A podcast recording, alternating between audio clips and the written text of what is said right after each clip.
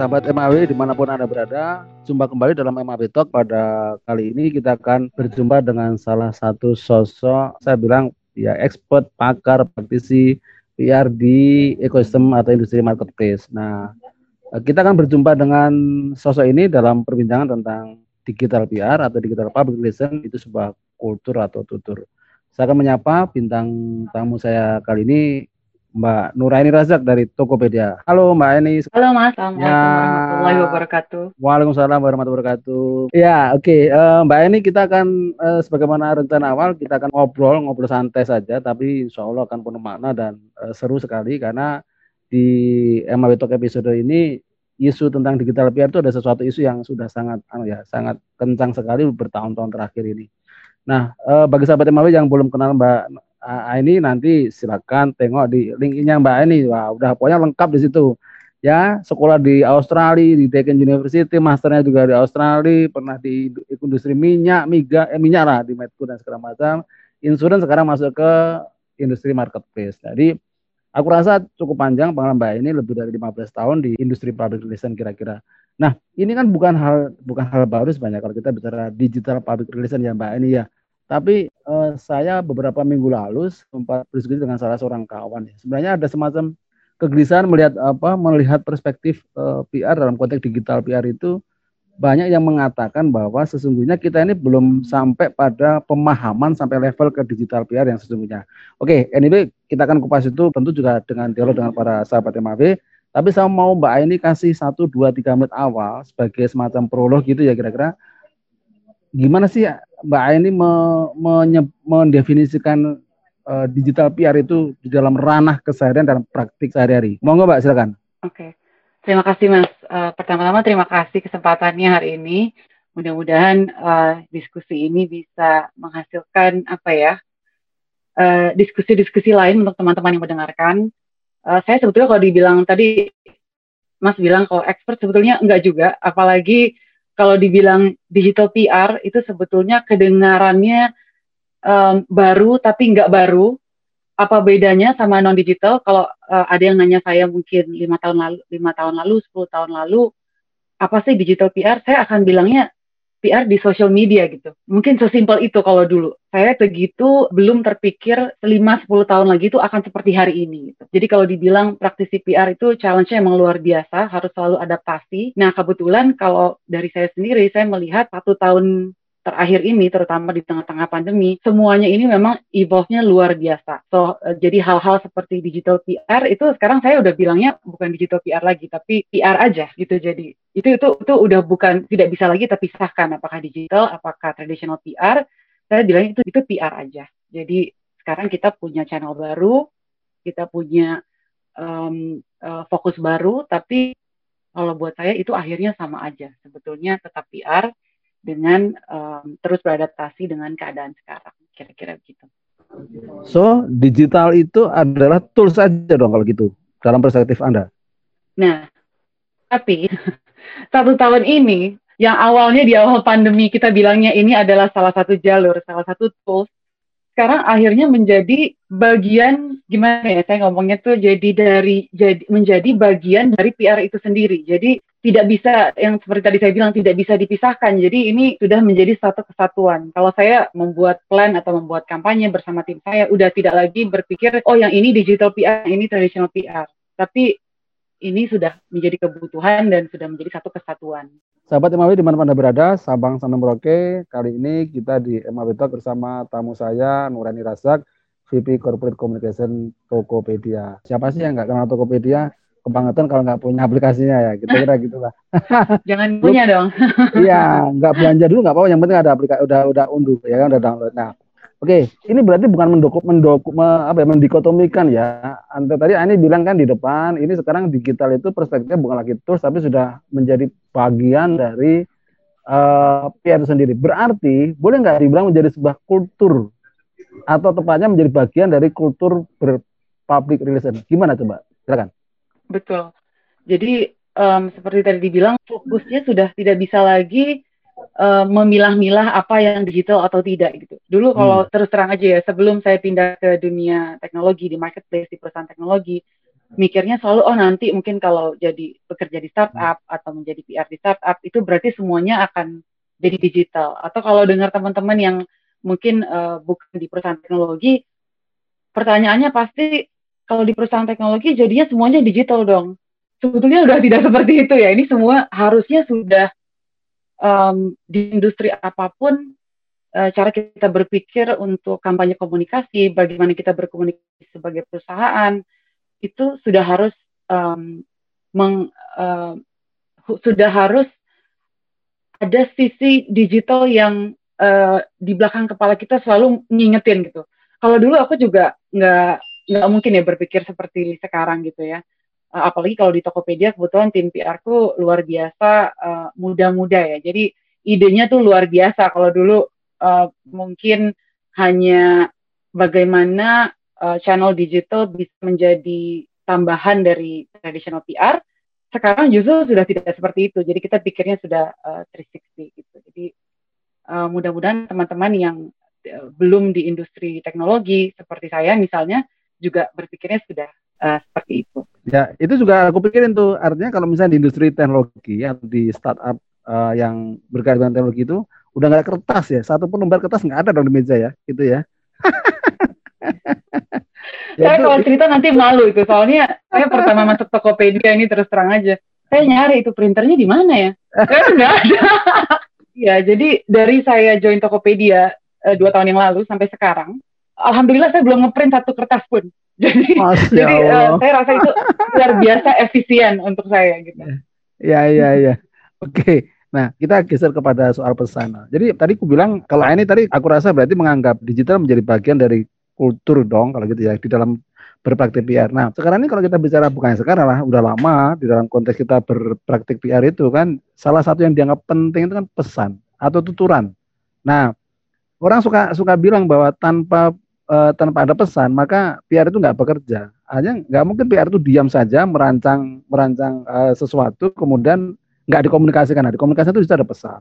Bentuknya kan macam-macam. Nah, nah uh, seberapa apa seberapa apa ya uh, dalam seberapa besar ketergantungan sekarang ini pesannya pada teknologi atau digital.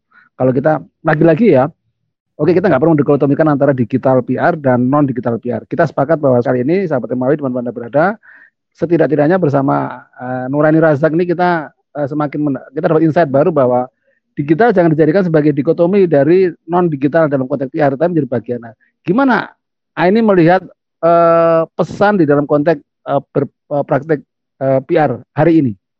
Apakah kecenderungannya semua ini tergantung sekarang menjadi tergantung pada platform atau channel digital atau apa kira-kira yang ini lihat sekarang ini? Silakan. Kalau buat saya mas konten tetap juaranya.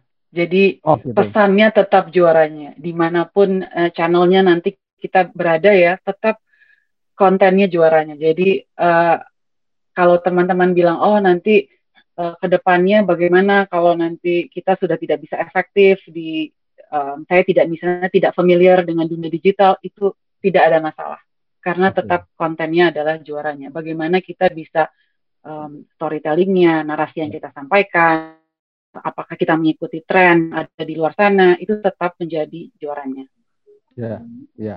Oke, sahabat MAW di mana anda berada, Sabang Sana Merauke. Kali ini kita di MAW Talk bersama tamu saya Nurani Razak, VP Corporate Communication Tokopedia. Uh, ini uh, kembali ke soal kultur. Nah, kultur itu kan sulit sekali terbentuk kalau tidak ada proses internalisasi. Nah, gimana cara kemudian ini sendiri masuk uh, ke dalam kultur yang sebab paperless digital tadi. Apa yang terjadi di dalam tubuh organisasi seperti Tokopedia ini sehingga kok bisa? Tadinya kan kaget tapi kok bisa sampai sekarang. Nah, ketika satu pun kertas di, di print sampai hari ini.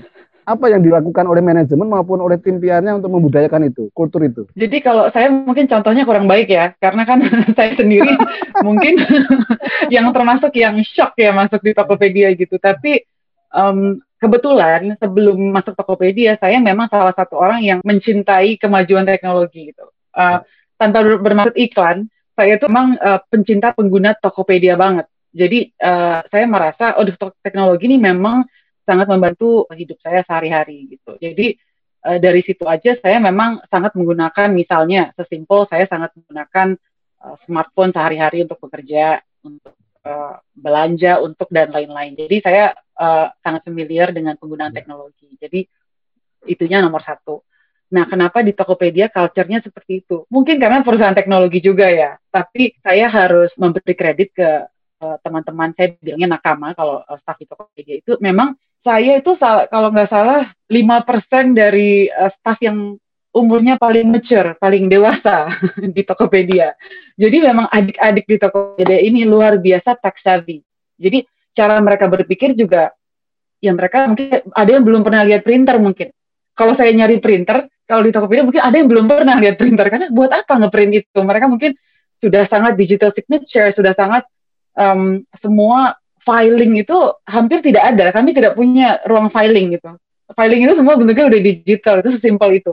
Jadi cara kita berpikir, cara kita share dokumen, cara kita berdiskusi dan sekarang apalagi pandemi ya kita uh, di Tokopedia ini work from home 100% mas bayangkan. Hmm, ya, Jadi ya. Hmm, sebetulnya culture Tokopedia juga di awal uh, untuk perusahaan teknologi sedikit konservatif ya. Kami bukan perusahaan yang sebelumnya remote working. Kami 100% kerja di kantor tadinya. Tapi kurang lebih satu tahun yang lalu waktu dimulai PSBB kami langsung hard stop 100% dipaksa untuk kerja di rumah. Nah, karena terpaksa itu lama-lama akhirnya juga jadi biasa itu sesuatu yang seperti itu. Nah kalau saya juga sama masuk ke Tokopedia pertamanya shock lama-lama akhirnya saya sangat mencintai cara kerja seperti ini. Ini sangat efisien, cara um, untuk berkolaborasi dengan tim juga efisien. Jadi um, ini benar-benar menjadi saya, saya udah tidak kebayang lagi kalau harus uh, kasarnya mundur gitu seperti dulu ya. Gitu. Oke, ada yang mengatakan bahwa salah satu upaya untuk menginternalisasi sebuah culture itu perlu adanya intervensi dari bos, CEO, ya kan? Ada peran leader. Nah, bagaimana? Untunglah Anda ada di Tokopedia yang perusahaan teknologi ya. Kalau perusahaannya itu perusahaan yang konservatif ya kan, eh, semuanya masih menggunakan konvensional ya. By the way, Tokopedia tetap jualan printer dong, bukan berarti karena nggak ada printer toh? masih, mas. Awas taruh gak Masih dijual. Teman-teman yang perlu printer silahkan menuju Tokopedia. Awas kalau nggak sampai ada printer di sana ya nanti. Ada, ada, ada. Aku coret nanti Tokopedia. Oke. Seberapa penting Anda melihat, ah, ini melihat pentingnya, uh, ini untuk, untuk umum ya, untuk universal lah, untuk siapa pun ke teman-teman kita semua ya, peran seorang CEO atau leader itu dalam menginternalisasi sebuah culture, terutama culture untuk going digital tadi. Silakan ini sangat penting ya. Kalau soalnya saya mikirnya satu aja gitu. Karena waktu saya join ke Tokopedia saya lihat ini perusahaan yang luar biasa efisien dalam melakukan banyak hal yang tadinya kalau saya ingat-ingat hidup saya tuh penuh dengan filing. Meja saya tuh pasti penuh dengan kertas gitu kan.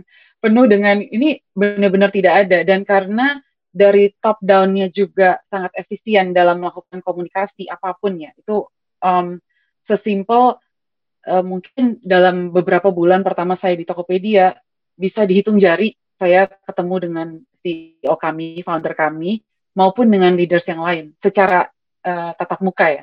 Jadi um, itu juga menurut saya sudah sangat efisien. Saya tidak lagi harus misalnya uh, melakukan meeting di satu ruangan lalu mencatat dan ini saya udah nggak kebayang lagi terus terang um, sistem kerja seperti itu. Jadi memang culture itu di Tokopedia sendiri ada 5.000 orang mas. Jadi kebayangkan pasti style bekerja yang luar biasa berbeda. Tapi karena dari leadership juga menunjukkan kalau um, cara kerja seperti ini lebih efektif, akhirnya itu memang menjadi culture yang kita udah nggak nggak pernah kepikiran cara lain lagi sekarang gitu. Saya uh, nggak kebayang lagi gitu kalau uh, mungkin tulisan tangan saya juga kurang baik sekarang karena jarang sekali menulis dengan tangan dan um, di kertas ini ya. Jadi gitu kira-kira. Oke, sahabat MAW di mana Anda berada, Anda masih bersama Nurani Razak, VP Korkom Tokopedia dalam MAW Talk episode Digital PR Kultur atau Tutur. Digital PR tentu memiliki banyak manfaat bagi Tokopedia, pasti dong itu. Namun apa saja tantangan yang Mbak ini dan tim hadapi sebagai corporate communication Tokopedia? Aduh, apa aja tantangannya? Nah, tantangannya pasti banyak ya. Tapi uh, sesuatu yang menurut saya juga ini simpel mungkin ya. Kalau dulu seorang praktisi PR itu uh, misalnya bekerja di perusahaan A, uh, sore dia bisa pulang, spend time di rumah, besok pagi ke kantor buka lagi korannya, lihat lagi uh, apa ya apa yang terjadi dalam 24 jam terakhir. Nah, kalau sekarang udah nggak bisa tuh mas kayak gitu. sekarang um, listening skill, monitoring media itu sudah hitungan menit ya. Kalau dulu, oke okay, kita lihat besok bagaimana di, kalau dulu mungkin nunggu ini gini ya mas. Ini saya nggak tahu nih teman-teman mungkin nggak bisa relate sama sama cerita saya nih contohnya. Kalau ada suatu kejadian, ntar lihat um, koran sore deh gitu misalnya. Hmm. Atau lihat koran besok pagi gitu. Itu itu patokan hidup gitu kalau sebagai praktisi PR. Kalau sekarang tuh nggak bisa begitu gitu karena baru kejadian lima menit udah langsung naik di uh, di kanal online gitu kan jadi mungkin itu sih ya tantangannya kita harus um, menjadi pendengar yang lebih baik kalau dulu dengerinnya bisa nunggu besok pagi kalau sekarang benar-benar harus pasang uh, mata dan telinga kasarnya 24 jam gitu mas itu jadi itu sih tantangan saya di dunia digital saat ini gitu. uh, harus selalu uh, update dengan uh, apa yang ada di luar sana gitu Ya, tadi kunci mendengar ya. Nah, listening ini kadang-kadang tidak lebih mudah daripada speaking kan. Orang suka lebih speak dulu daripada listening ya. Nah, seberapa perlu ada ada harmoni antara listening dan speaking ini dalam praktik ber-PR hari ini? Apalagi kalau kita bisa digital PR, digital, itu riuhnya minta ampun kan. Hebohnya minta ampun loh digital itu. Tidak seheboh di koran. Tadi kalau ini bilang, ya besok pagi Kompas baru muat besok kawin. Tapi kan ini sebelum Kompas dimuat pun malam ini, detik ini, sore ini sudah riuh sekali apa yang terjadi pada pada lini masa kita. Menyimbangkan antara antara speaking yang kadang-kadang suka kebablasan dan listening, mendengar supaya tidak juga gampang baper kan gitu kan. Apa yang seorang PR harus lakukan, mengolah itu, melatih itu. Bagaimana menurut Aini? Jadi selain listening ada satu lagi sebetulnya. Habis listening harus diukur. Jadi misalnya sesuatu yang uh, simple. Kalau dulu kita melakukan ada ada insiden hari ini. Ya. Kita tunggu apakah besok pagi masuk Kompas atau enggak. Setelah di Kompas kita baca, lalu kita memberi menjawab, memberikan statement. Kalau sekarang, um, kalau dulu kita kan nggak bisa dengar ya, si pembaca-pembaca Kompas di seluruh Indonesia itu apa komentarnya gitu. Apakah mereka senang, mereka tidak senang, apakah mereka marah-marah, itu kita tidak tahu. Yang kita tahu hanya pendapat narasumber di artikel tersebut gitu. Kalau sekarang semua orang bisa memberikan pendapat dengan bebas ya di dunia sosial media gitu. Jadi um, itu adalah sesuatu yang harus kita um, measure gitu. Jadi kita dengarkan ada apa saja, lalu kita ukur apakah um, respon seperti apakah yang harus kita berikan keluar dan ke mana dan kira-kira follow up apa dalam jangka waktu seberapa lama yang akan kita uh, berikan kepada isu tersebut. Jadi itu jauh lebih kompleks dari kalau zaman dulu bandinginnya hanya uh, ada reaksi satu kali gitu kira-kira ya. Koran pagi atau dua kali deh. Koran pagi sama koran sore gitu kalau dulu nungguinnya. Kalau sekarang kanal mana yang akan kita kasih respon? Apakah seseorang uh, misalnya seseorang Aini yang memberikan pendapatnya di sosial media itu kalah penting dengan pendapat seorang expert di media gitu. Kalau saat ini belum tentu. Bisa saja seorang Aini yang um, kasarnya bukan siapa-siapa di sosial media, pendapatnya justru lebih um, harus kita beri perhatian dibanding seorang expert di media. Kira-kira gitu. Jadi uh, tidak hanya hanya mendengarkan, tapi juga mengukur apa yang harus kita lakukan setelah itu. Uh, baik, sahabat Mawi di mana pun anda berada, Sabang sampai Merauke, kita masih bersama Nurani Razak, VP Corporate Communication Tokopedia di dalam Mawi Talk kali ini bertema Digital PR, Kultur atau Tutur. Oke, jadi asumsi ini tidak berlaku ya bahwa penggunaan teknologi atau digital di dalam praktek PR selamanya pasti murah, tidak bisa gitu ya. Skala karena skalanya tergantung sih mas kalau menurutku. Ya, kalau sudah ya, 100 juta ya, pengguna ya. gitu ya, mungkin lebih sulit gitu kalau ya, dilihat. Ya, ya Iya, iya. Ya, ya tim ya. tim saya tapi um, ya mungkin mungkin lebih sulit tergantung seberapa besar kita mau cover listening ini gitu kira-kira begitu. Ya, karena masih ada asumsi bahwa transformasi ke digital itu kemudian diassume bahwa ya kita jadi makin efisien, makin murah, kemudian bisa cuannya, cuannya yang dikejar cuannya tadi untungnya itu kan.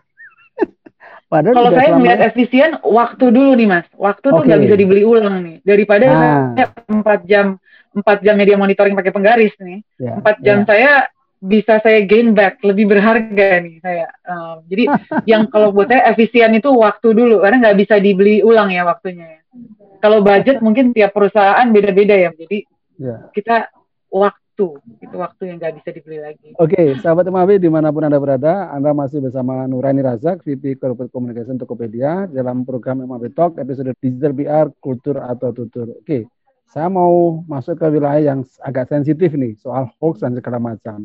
Dan itu menurut saya uh, mungkin sahabat MAB juga sepakat bahwa itu itu soal antara kultur dan tutur juga jadi eh, bayangkan kalau para pemimpin kita kemudian dia bertutur atau men, membuat pesan dan itu salah.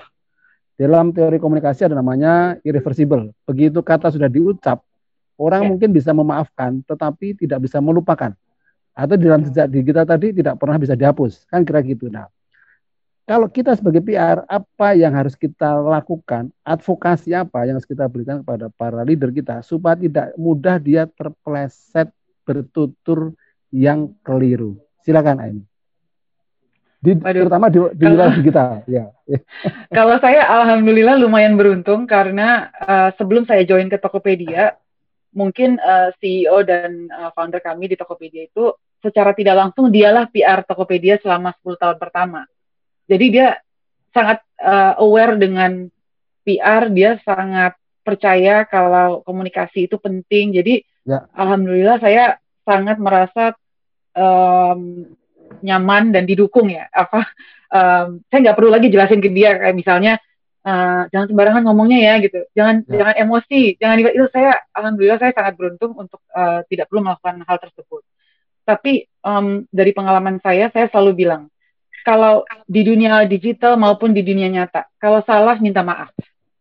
Itu tidak ada yang ya. lebih um, apa ya, yang tidak tidak ada yang lebih simpel dari itu sih. Kalau salah, minta maaf, kita perbaiki. Karena semua orang pasti pernah uh, salah ngomong, uh, mungkin panas, mungkin emosi, mungkin dia tidak tahu konteks sepenuhnya. Tapi menurut saya ini tetap berlaku Betul. di mana saja. Kalau salah, minta maaf, kita perbaiki. Statement tidak bisa dihapus, nggak apa-apa. Udah jadi headline, tidak apa-apa. Tapi apa yang kita bisa lakukan untuk memperbaikinya itu sangat penting. Jadi um, tidak tidak tidak pernah salah untuk minta maaf. Kalau memang walaupun kita mungkin lihat oh kita tidak salah itu kan memang pendapat itu tidak. Kalau ada yang tersinggung kita minta maaf aja. Gitu. Saya sesimpel itu aja kalau kalau ingetin teman-teman. Jadi maaf itu bukan sebuah anu ya, bukan sebuah transaksi, tapi memang sebuah kultur atau gimana? Ketika kita mau kesalahan, eh kita tadi bilang, betul. Ya, kalau dulu ya Mas, kayak kalau um, banyak diskusi sama praktisi PR di luar negeri gitu, maksudnya bukan di Indonesia gitu ya.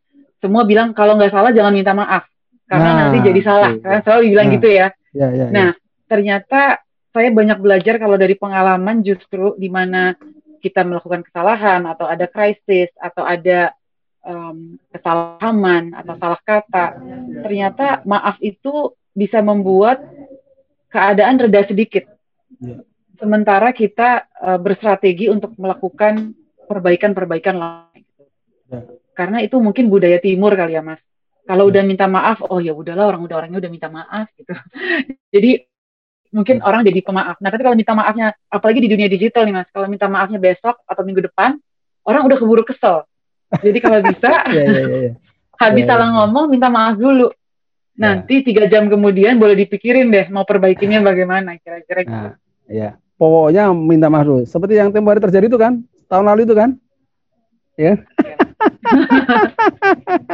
Apa ya? gitu. Tapi kita jangan, jangan takut di kita salah, di, dikira ya. salah mas. Pokoknya ya. itu aja sih. Itu tuh ya. budaya ya. Jadi jangan takut dikira salah kalau minta maaf. Oke, artinya salah maaf itu belum tentu kita bersalah, tapi kita memiliki klek apa ya kebesaran hati gitu kan untuk disampaikan ke publik gitu ya. hati betul. betul. Oke. Sahabat MAW di mana-mana berada, kalau kita ngomong soal hati memang menarik di dalam konteks uh, komunikasi kan. Nggak bisa kan orang itu disapa, di, di dikasih tuturan uh, pesan yang itu menyakiti hati kan nggak mungkin ya kan. uh, Anda kan berhadapan dengan banyak konsumen. Nah, ini berhadapan dengan begitu banyak konsumen dengan keragaman yang luar biasa, berhadapan juga dengan para owner lah apa uh, outlet di Tokopedia segala macam. Nah, uh, ngadepin mereka itu tentu berbeda dengan ngadepin publik di luar, ya kan?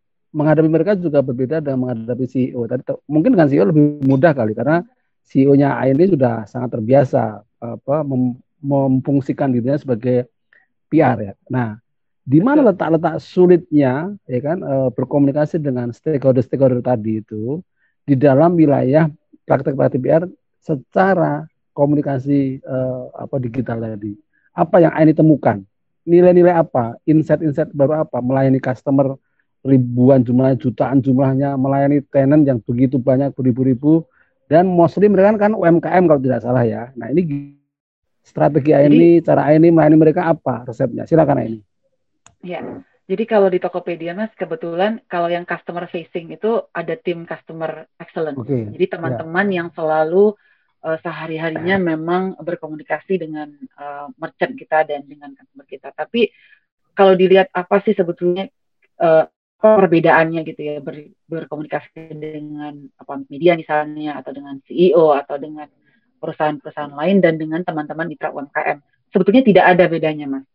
Jadi kalau kalau saya ngelihatnya sebagai uh, perusahaan Tokopedia itu salah satu fokus kami adalah fokus kepada uh, consumer. Jadi pokoknya semua orang di Tokopedia itu hidupnya fokus kepada konsumer bagaimana pengguna kita bisa menjadi senang bahagia menggunakan Tokopedia. Jadi culture itu juga memang ada di semua di Tokopedia. Apakah hmm. itu seorang PR, apakah itu seorang marketing, apakah seorang um, engineer gitu ya. Jadi um, dari waktu kita join Tokopedia juga itu selalu diingatkan bagaimana berkomunikasi dengan um, stakeholder utama kita, yaitu pengguna Tokopedia. Jadi itu adalah mungkin dari day one yang sangat ditekankan pentingnya bagaimana uh, berkomunikasi dengan pengguna. Um, kalau dibilang bedanya, nggak ada bedanya buat saya. Uh, memang uh, kami semua stakeholder sama pentingnya, tapi ya harapannya uh, pengguna Tokopedia adalah uh, stakeholder kami yang yang, yang paling utama. Oke, okay. uh, sahabat MAB di mana Anda berada, Anda masih bersama Nurani Razak, VP Corporate Communication Tokopedia di dalam MAB Talk episode tentang digital PR, kultur atau tutur. Kita akan sampai di penghujung acara. Kali ini saya akan minta Aini untuk memberikan semacam uh, closing statement gitu kira-kira sebuah garis tebal dan kalau perlu agak tipis juga nggak apa-apa. Jadi yang eh, kira-kira dalam pandangan A ini apa yang penting harus kita ingat dan juga praktikal di dalam ber eh, apa beraktivitas PR di era digital. Jadi tidak lagi mendikotomikan antara digital atau tidak digital PR, tapi ini sudah era digital. Apa yang semestinya PR lakukan supaya menjadi kultur, tidak semata-mata hanya menjadi sebuah tuturan ataupun pandangan ataupun wacana saja. Silakan ini. Satu ya. dua menit untuk ini menutup ini semua. Siap. Jadi mungkin dari saya sendiri yang paling penting itu adalah bagaimana kita bisa beradaptasi di segala situasi. Jadi apakah nanti kalau dilihat 10 tahun yang lalu belum kebayang digital PR seperti hari ini atau PR hari ini, berarti saya sudah kebayang nih 10 tahun lagi seperti apa kira-kira kita harus beradaptasi. Jadi selalu beradaptasi dan bagaimana kita bisa membaca tren serta mengikuti uh, momentum yang ada dan ini bisa membuat kita menjadi relevan dan tentunya mengikuti perkembangan yang ada. Tapi ya tadi itu sih bagaimana kita bisa terus beradaptasi. Kira-kira. Baik, ini sekali lagi Nurani Razak, VP Korkom Tokopedia. Aku menyampaikan terima kasih atas nama tim MAB dalam perjumpaan kita pada kali ini MAB Talk episode digital PR kultur atau tutur. Mudah-mudahan apa pun yang disampaikan Ain ini memberikan tambahan inspirasi dan insight bagi teman-teman untuk terus mengembangkan sekali lagi jangan mendikotomi lagi antara digital dan PR, tetapi menjadikan PR praktik PR menjadi semakin lebih baik, ya kan, semakin lebih aktif dan semakin memberikan dampak positif bagi perusahaan maupun stakeholder perusahaan di zaman apa pun, termasuk di zaman digital ini. Sampai jumpa ini dan sahabat MAB yang sudah berpartisipasi, saya juga terima kasih. Sampai jumpa di MAB Talk episode berikutnya. Salam.